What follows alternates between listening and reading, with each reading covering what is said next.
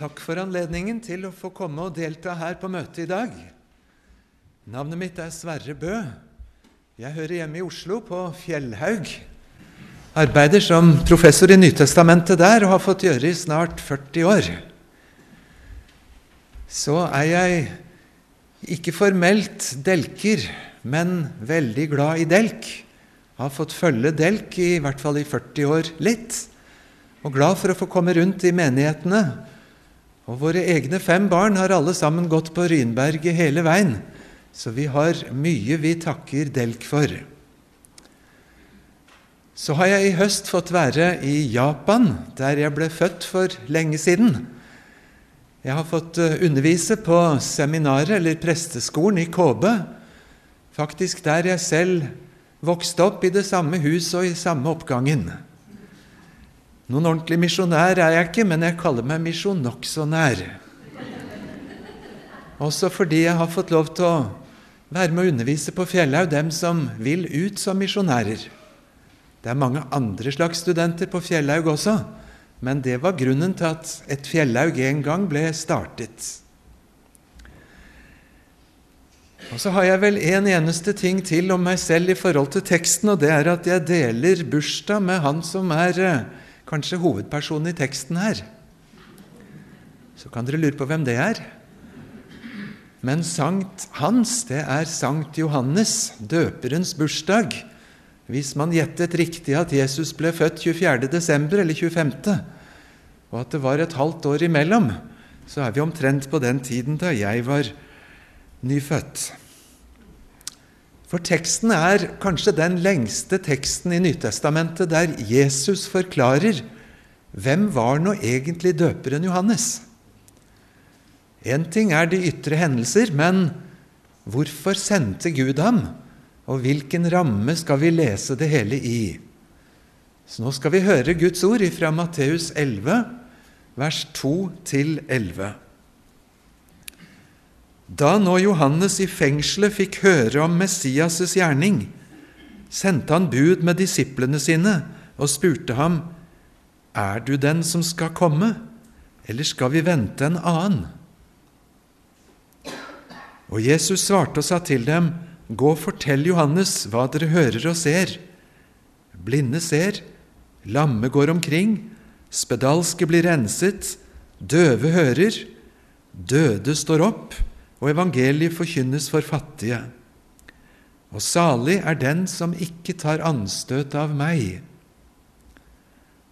Da disse var gått bort, begynte Jesus å tale til folk om Johannes. Hva gikk dere der ut i ørkenen for å se? Et siv som svaier i vinden? Eller hva gikk dere ut for å se? En mann kledd i fine klær? Se, de som bærer fine klær, er i kongenes hus. Men hva gikk dere da ut for å se? En profet? Ja, jeg sier dere, endog mer enn en profet. Det er om ham dette er skrevet. Se, jeg sender min budbærer foran deg, han skal rydde din vei for deg.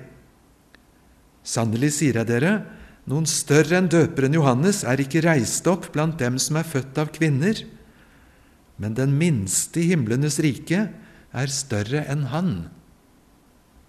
Amen. Ja, så da vet vi vel hvem han er, denne døperen Johannes. Ja, vi har fått Jesu egen undervisning og veiledning. Skal vi prøve å ta det litt ledd for ledd? Det begynte altså med denne overnaturlige fødselen, der Elisabeth og Sakarias langt oppe i årene fikk denne sønnen. Bebudelsen like inn foran alteret i tempelet.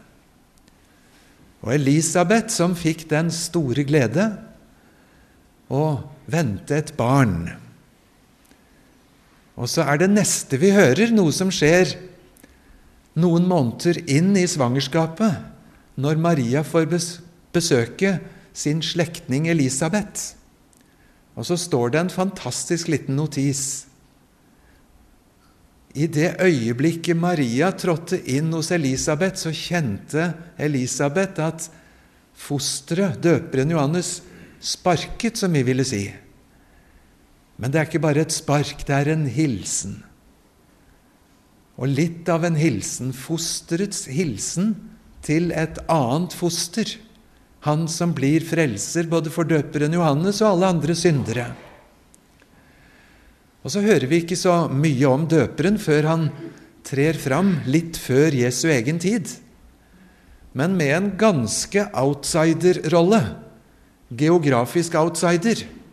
Nede ved Jordanelva, nesten ved Dødehavet, på det dypeste punkt, 400 meter under havets overflate.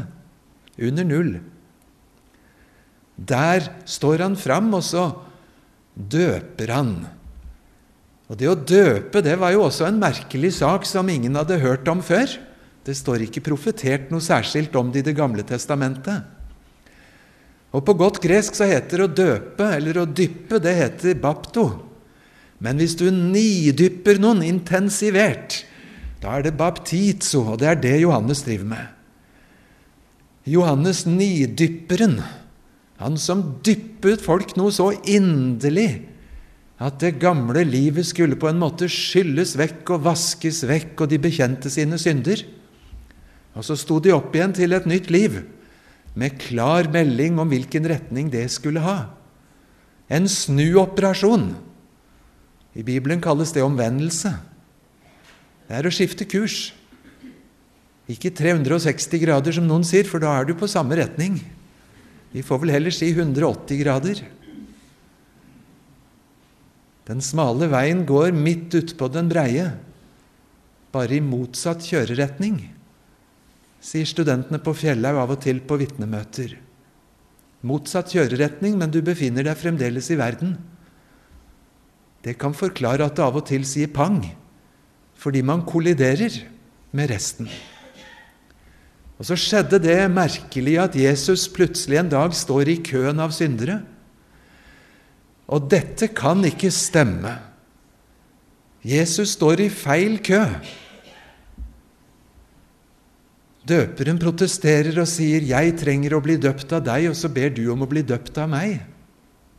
Ja, men la det nå skje denne gangen, sier Jesus, for slik skal vi oppfylle all rettferdighet.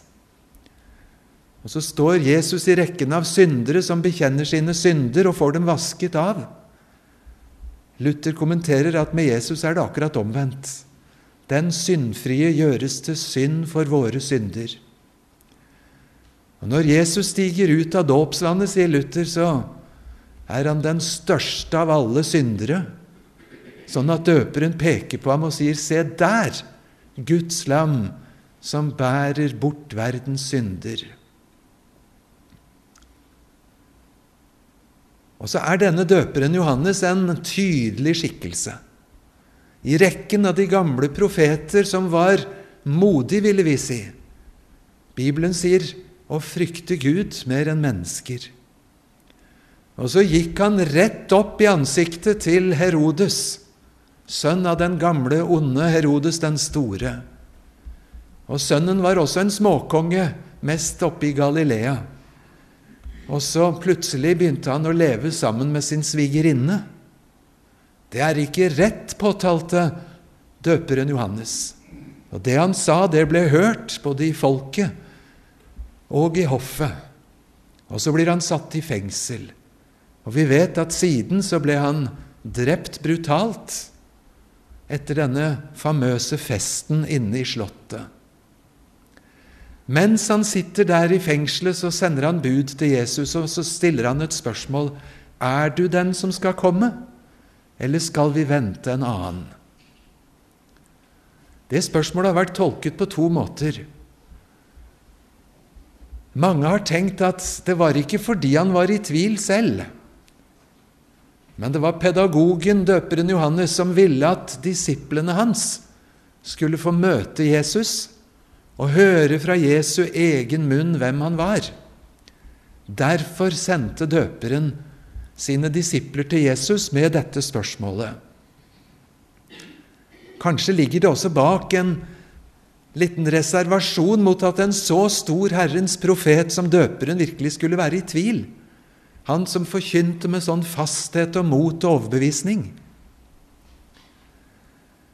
For egen del så skal jeg ikke påberope meg noen særlig innsikt, men skal tro om ikke det var kampen og tvilen i fengselet som gjorde det vanskelig for døperen òg. For leser du gjennom kirkehistorien og bibelhistorien, så har de hatt sine kamper, både den ene og den andre. Tenk på profeten Elia. Etter den enorme seieren oppe på Karmel, så blir han så liten som en bitte liten fyrstikk og løper det forteste han kan og gjemmer seg. Først østover i landet og siden halvveis til Afrika. Og finner en liten bortgjemt plass i Sinai, der han krøker seg sammen som et lite foster og mer eller mindre ønsker at han kunne dø.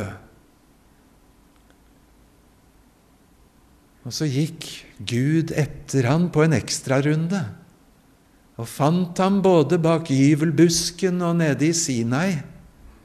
Og med et vennlig liten setning Hva vil du her, Elias? Slik Gud har tatt noen ekstrarunder ut i mørket for å finne en sur storebror som ikke var med i festen. Da lillebroren var kommet tilbake etter villskapen ute i et verdslig liv. For far hadde hjerte også for storebroren, og ville ha både storebror og lillebror i hus når det skulle være fest.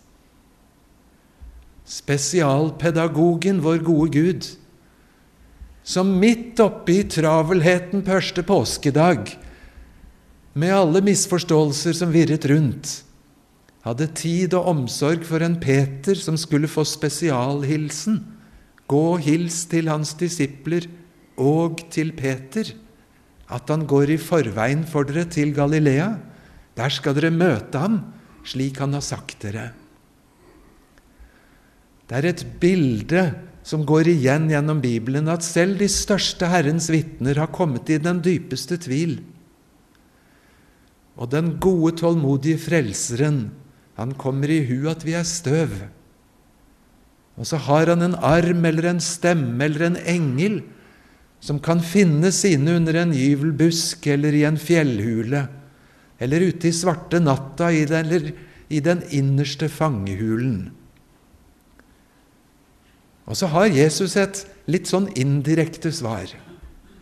Han svarte ikke det at 'gå og si til Johannes', 'jo, det er meg, sånn er det'. Punktum. Men han henviser til det som skjer der hvor Jesus trer fram. Først gjennom fem mirakler som går igjen gang etter gang, hvor lamme kan gå, blinde kan se og døve kan høre. Og så det sjette leddet. Evangeliet blir forkynt for fattige. Det er ikke det minste underet. Evangeliet blir forkynt for fattige. Da jeg fikk være i Japan i høst, så fikk jeg høre mange sterke troshistorier om japanere som var blitt kristne, og hver historie var forskjellig. Bortsett fra én ting. Ingen av de historiene vi hørte, handlet om at en hel familie på en gang plutselig ble frelst. Det var én som var første, og én til, og 20 års bønnekamp før nummer tre kom med. Og så var nummer to blitt borte. Og så var det noen nye tider til det og det skjer. Og Så spurte jeg men hvorfor kommer de ikke når de ser frelsen dere får. Og så fikk jeg flere ganger til svar. Jo, for det er at en stolt japaner tenker at kristendom det er for tapere. Det er for de som må ha hjelp utenfra. De som ikke kan stå opp og svare for seg selv for sitt liv. Var ikke det ganske profetisk sagt? Er ikke det vi er? Tapere, eller med Bibelens ord syndere, som trenger hjelp utenfra hvis vi noen gang skal nå inn til Guds salighet. Og så kommer hjelpen utenfra, fra Han som ble kjøtt og blod og ble menneske. Han som forlot sin rikdom og ble fattigdom for å gjøre oss fattige, oss tapere, til himmelborgere.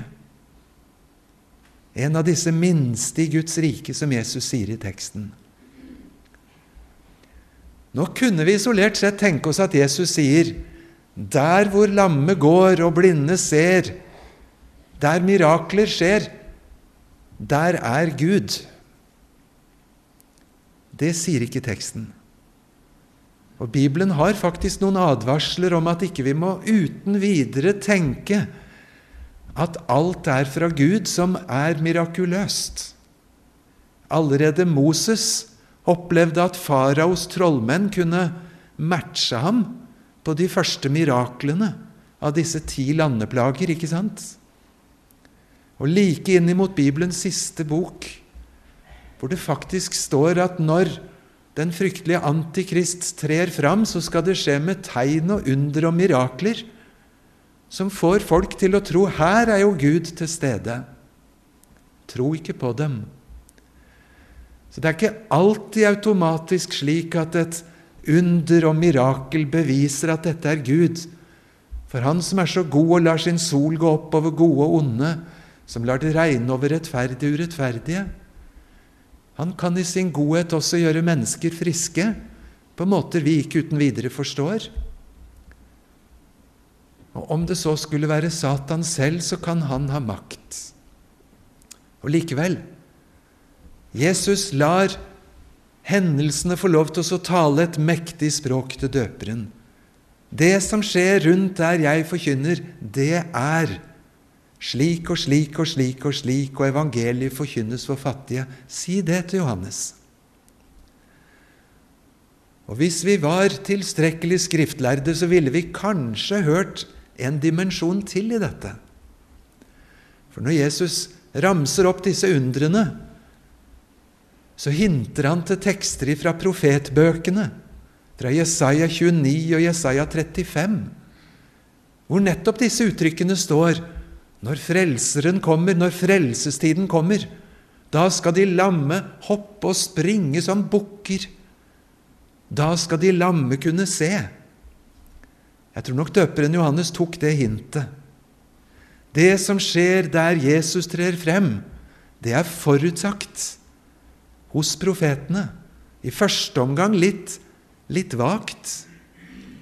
Men når Jesus litt senere skal forklare til disiplene, så tar han ordrette sitat og sier døperen Johannes, han er Og så kommer det sitater fra Det gamle testamentet. Han er oppfyllelsen av det som står Se, jeg sender min budbærer foran dere. Det står på nest siste side i Gamle testamentet, hos den siste profeten Malaki. Mot slutten av boka hans har han to sånne utsagn. Se, jeg sender dere. Første gang sier Gud, 'Jeg sender dere min budbærer'. Min budbærer på hebraisk heter Malaki. Så jeg sender dere min Malaki, min budbærer. Og Neste gang det står på den aller siste vers i Gammeltestamentet, så står det 'Se, jeg sender dere Elias'. Og han skal gjøre sånn at fedrenes hjerter vendes mot barna, barnas hjerter mot fedrene. Forsoning. Frelsen. Et gjenopprettet samfunn istedenfor splittelse og hat min budbærer, en ny Elias som skal komme og rydde vei for Herren. Ja, sier Jesus rett ut, døperen Johannes, han var den Elias som Gud har lovt ifra Det gamle testamentet. Da ser vi at av og til kan vi lese Bibelen bakfra. I Det nye testamentet så får vi hjelp til å lese noe i Gamle testamentet som vi ikke kanskje skjønte underveis. Det er som om Gud la ved en sånn liten fasit på slutten av regneboka si. Noen regnestykker vi strever med underveis. Hvem er dette? Og så kommer det bakerst Jo, døperen Johannes var den Elias som du ser i siste linje av Gamle testamentet. Han er min budbærer. Og så er det jo et fantastisk uttrykk, dette her. Hvem er denne døperen Johannes? Jo, han er en som forbereder veien. En annen gang så sa han 'jeg er bare en veiarbeider'. En som rydder vei ute i ødemarken, sånn at det skal være rød løper når Messias kommer. Det er ikke smått. Ja, er ikke du noe større enn det? da? Er ikke du profeten? Er ikke du Elias? Er ikke du Messias? Nei, jeg er bare veiarbeideren som skal rulle ut den røde løperen for Jesus. En veiarbeider utafor folkeskikken, ute i ødemarken. Sånn at Jesus kan tre fram. Og se på han, da, dere. Han er jo selveste Guds lam. Han bærer bort verdens synd. Se på han. Han er så svær. Jeg fortjener ikke engang å hjelpe han med skolissene. Han skal vokse, jeg skal avta. Den største lykke en Herrens budbærer får være, en som fører Jesus frem. Hørte en merkelig historie i Japan ifra da de første norske misjonærene kom til Japan rett etter krigen. Så var det en av dem som het noe så godt norsk som Ruth Robberstad. Ifra Rubbestadneset på Bømlo. Det var ikke så enkle ord å uttale på japansk. Og når de prøvde å oversette lydene så likt det ble, så begynte alle japanere å le. For det ordet det lignet mest på da, det var en eller annen eselgreie. Og vi kan jo ikke kalle det for en eselgreie. Men Ruth Robberstad, som hadde vært allerede noen år i Kina, og som nå fikk sitt nye Østen-navn på japansk, hun begynte nesten å gråte av glede. Tenk om jeg får lov til å være det eselet som Jesus kan ri til japanerne på. Det var hennes perspektiv. Kan du finne noe større på jord enn å være det eselet som Jesus får sitte på når han rir inn til nye mennesker og nye hjerter? Tenk å få være en veiarbeider for Jesus. En som kan rulle ut den røde løperen. Som kan trekke folkemengden ut i ødemarken for å annonsere så alle hører det med trommevirvel. Der er Guds lam, han som bærer vekk verdens synd. Og så sier Jesus i teksten Noen større enn døperen er ikke opprundet blant profeter. Det er litt av en kåring. Ikke engang Abraham, Moses eller David er så store i Guds parameter som denne døperen Johannes. Det gir litt av noen perspektiv på bibelhistorien. Men så sier Jesus en ting til. Den minste i himlenes rike er større enn han. Wow! Den minste i den nye pakt, av disse små som tror på meg, er større enn den største født av kvinner. Det gir perspektiver på den gamle pakt og den nye. Tenk på Hebreerbrevet 11, som lister opp troens kvinner og troens menn. Og vi sitter med hakeslepp når vi leser det, og tenker 'enn om vi eide en tro som de'. Og så sier Jesus 'den minste himlenes rike er større enn den største du har hørt om'. Før denne nye pakten som Jesus kommer med. Når Jesus klipper fram snora den siste skjærtorsdagskvelden og klipper og sier dette er den nye pakt i mitt blod. Og Som førstemann som får lov til å trippe over den store brua like mot himmelen, er en røver som sier 'vi får bare igjen hva vi har fortjent'. Men Jesus sier 'du skal bli med meg i paradis'. Og så åpner han vei for alle oss som søker samme frelse i den samme frelseren Jesus. får jeg lov til å slutte av med et fryktelig teit og veldig enkelt og naivt bilde for å få fram kontrasten her. Tenk deg at du forelsker deg i den tanken at du vil til Nordkapp. Og du skal til Nordkapp med tog. Du kjøper togbillett til Oslo og til Trondheim og videre nordover og sitter og fryder deg og teller kilometer du nærmer deg Nordkapp. Og fra Trondheim med Nordlandsbanen fint gjennom ymse terreng. Og kommer til Bodø, og så blir det merkelig stilt, og det skjer liksom ikke så mye mer. Og Noen antyder kanskje at du skal stige av toget. Nei, jeg skal ikke av toget, jeg er bare halvveis. Jeg skal til Nordkapp. Omsider må konduktøren komme og forklare deg at dette toget går ikke lenger, men du er like påståelig. Jeg skal jo til Nordkapp, jeg hopper ikke av halvveis. Kanskje får han deg med ut av toget og ser at skinnene stopper i Bodø, for lenger går det ikke tog i Norge. Og konduktøren varsler sånn forsiktig at uh, du må nok stige om til andre befordringsmidler hvis du skal lenger nord, f.eks. helt til Nordkapp. Men jeg skulle altså ikke til Bodø, jeg skulle til Nordkapp, og jeg er bare halvveis og rimelig misfornøyd. Og så må jeg jo bite i det at toget går ikke lenger. Men det er mulig å komme lenger, men da må jeg av, og så må jeg søke på helt annen transport.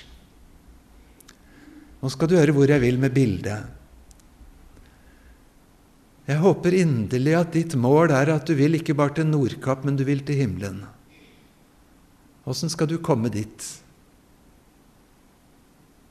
Gjør dette, så skal du leve, står det i de første tusen sidene av Bibelen. Gjør dette, så skal du leve. Ja, så prøver vi å gjøre hva Herren har sagt. Og vi prøver å unngå hva Han har forbudt. Og kanskje vi anstrenger oss så mye som den rike unge mannen at vi kan si at 'jeg har holdt alt dette fra jeg var liten', bortsett fra noe han ikke så. Paulus forklarer det hele og sier Jesus er lovens endestasjon. Romerne 10,4. Kristus er lovens ende. Du vil til himmelen, men hvor havner du med all din beste innsats og alle dine glansnumre? Jeg skulle til Nordkapp, men i Bodø så gikk ikke toget lenger. Lovens tog stopper i Bodø. Skal du lenger, så må du stige av og etterlate all bagasjen med alt det du har gjort og prestert og maktet. Og så tomhendt stige om. Ikke på lovens vei, men på Kristusveien. Hvor alt du har klart og alt du har fått til, det ligger bare igjen i skranken. Og tomhendt, uten penger, uten betaling, så ønskes du velkommen til et liv i Kristus. Døperen Johannes var den største født av kvinner, men den minste himlenes rike er større enn ham. Kristus kom og oppfylte loven, tusen sider med Herrens vilje for livet vårt. Men til alle tapere som skjønner at jeg når verken Nordkapp eller himmelen på dette befordringsmiddelet, så står døren åpen, og porten er åpen, og Jesus ønsker velkommen alle som stiger av. Alle dem som tok imot ham, dem ga han rett til å bli Guds barn. Den største i himlenes rike er større enn ham. Han tok mine synder og bar dem bort. Jeg får flytte inn i hans rettferdighet. Og så leve i Kristus, For Kristus er mitt befordringsmiddel til endelig destinasjon, som er himmelen. Hvordan er du kommet inn her? spør Moses. Luther i porten, det skriver Luther ganske uttrykkelig om. Når jeg står på den siste dag og møter Peter, og jeg møter Moses. Og så spør Moses meg har du holdt loven min. Da skal jeg svare Moses i Luther. Nei, det klarte jeg ikke. Men jeg kjenner en som heter Kristus. Nei, gjør du det, svarer Moses. Det er sånn det er for meg også, sier han. Og så kom Kristus med frelse med tilbakevirkende kraft rik nok for alle som kaller på ham. Og så sitter vi her i vår gamle kledning, rene, rettferdige, himmelen verdig. Er jeg verdens frelser alt nu? Ordet forkynner at dine synder kommer han aldri mer i hu. Og så er jeg fri. Og så er jeg med i teksten. Den minste himlenes rike som Jesus kan definere inn.